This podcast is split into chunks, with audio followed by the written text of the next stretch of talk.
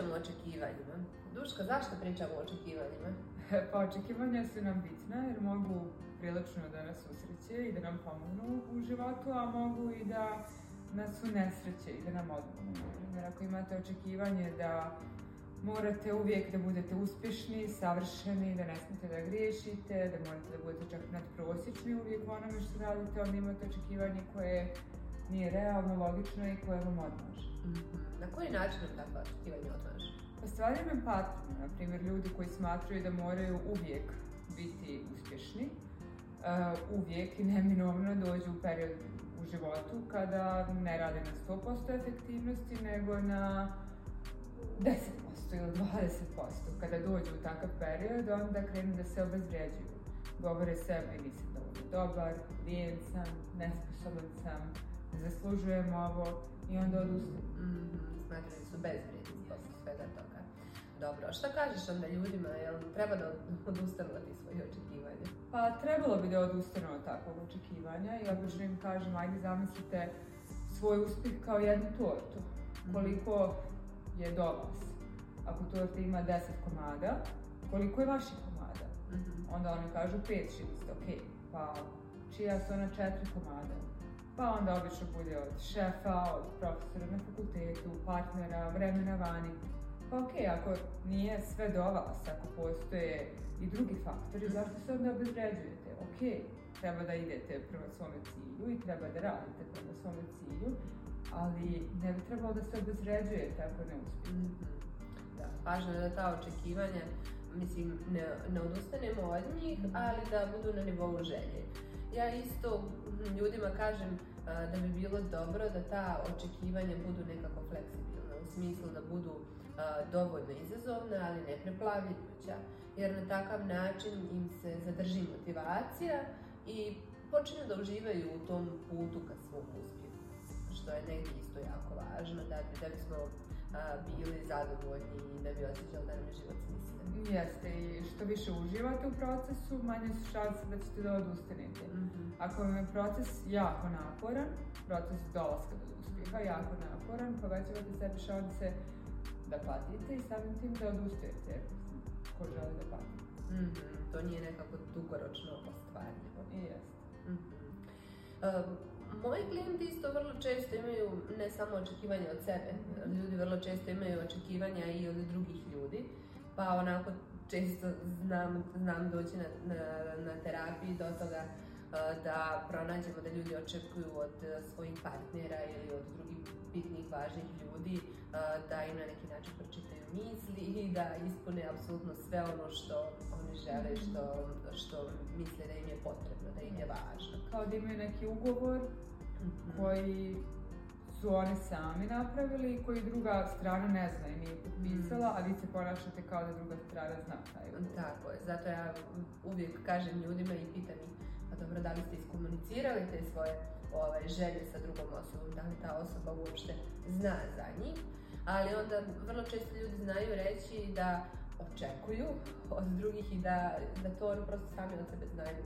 Da, da, mhm. Kao da se podrazumijem. Mhm. ne žele uopće da im to kažu jer su im to neki dokazi ljubavi ili dokaz da su oni značajni ovaj, je nekoj mhm. drugoj osobi i onda negdje je važno raditi na nekim takvim očekivanjima i smanjiti tu neku, pa, da kažem, odnosno povećati tu neku fleksibilnost eh, prema njima. Da, vrlo često kada od eh, partnera ili prijatelja, bi se partnera u bilo kom kontaktu, očekujemo nešto, a nismo iskomunicirali, eh, ako druga osoba to ne ispunjava, onda drugu osobu demonizujemo na neki mhm. način, on je loš, on je loš čovjek, a u isto vrijeme mi smo manje vrijedni mm. jer ako on ne ispunjava to i ako on ne pokazuje da me voli ili da me poštuje, kakav, sam, onda ja, kakav sam mm. ja osoba. Mm, da, ono što je isto važno jeste posmatrati e, realan kontekst e, kad stvaramo očekivanja prema drugim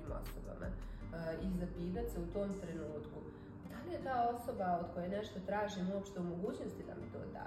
Da li i ta osoba želi to da mi da? Kakve su njene želje, mogućnosti, vjerovanja, životne filozofije u, datom trenutku e, i jednostavno to su neki svi načini da vidimo da li su i ta očekivanja od drugih ljudi realna, kao što je ona sami koji su imali od samih sebe. U principu da li je osoba pročitala ugovor i da li je spremna da ga potpiše.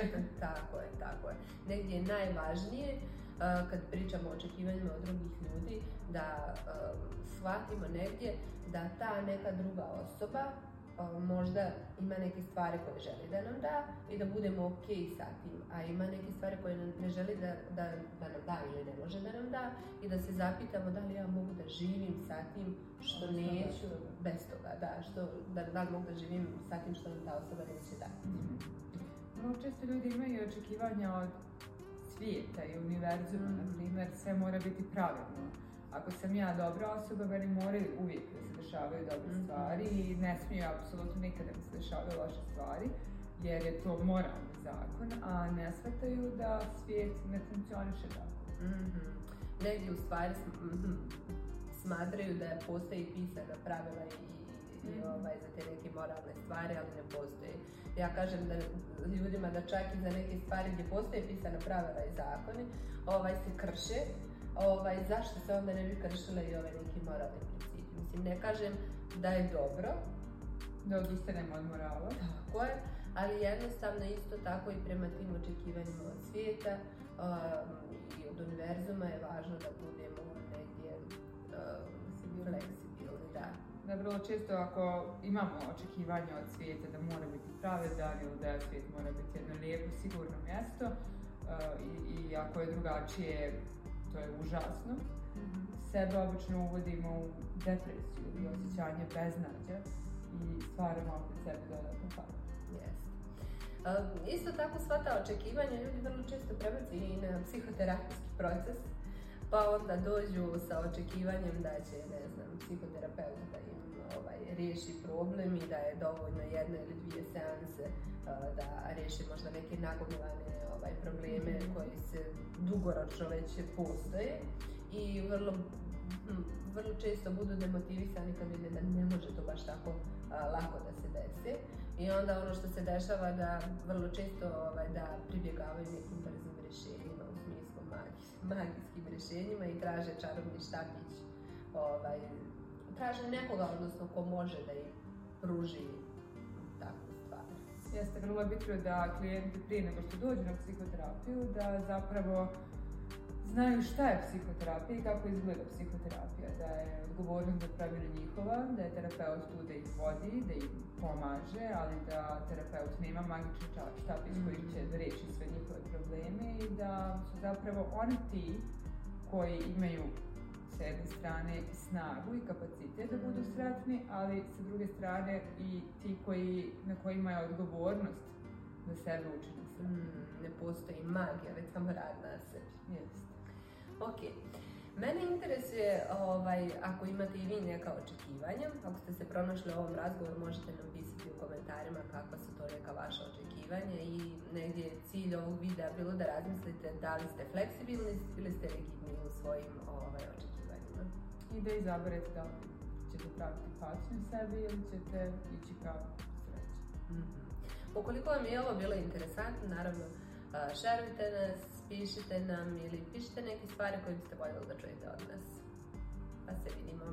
Zdravo! Ćao!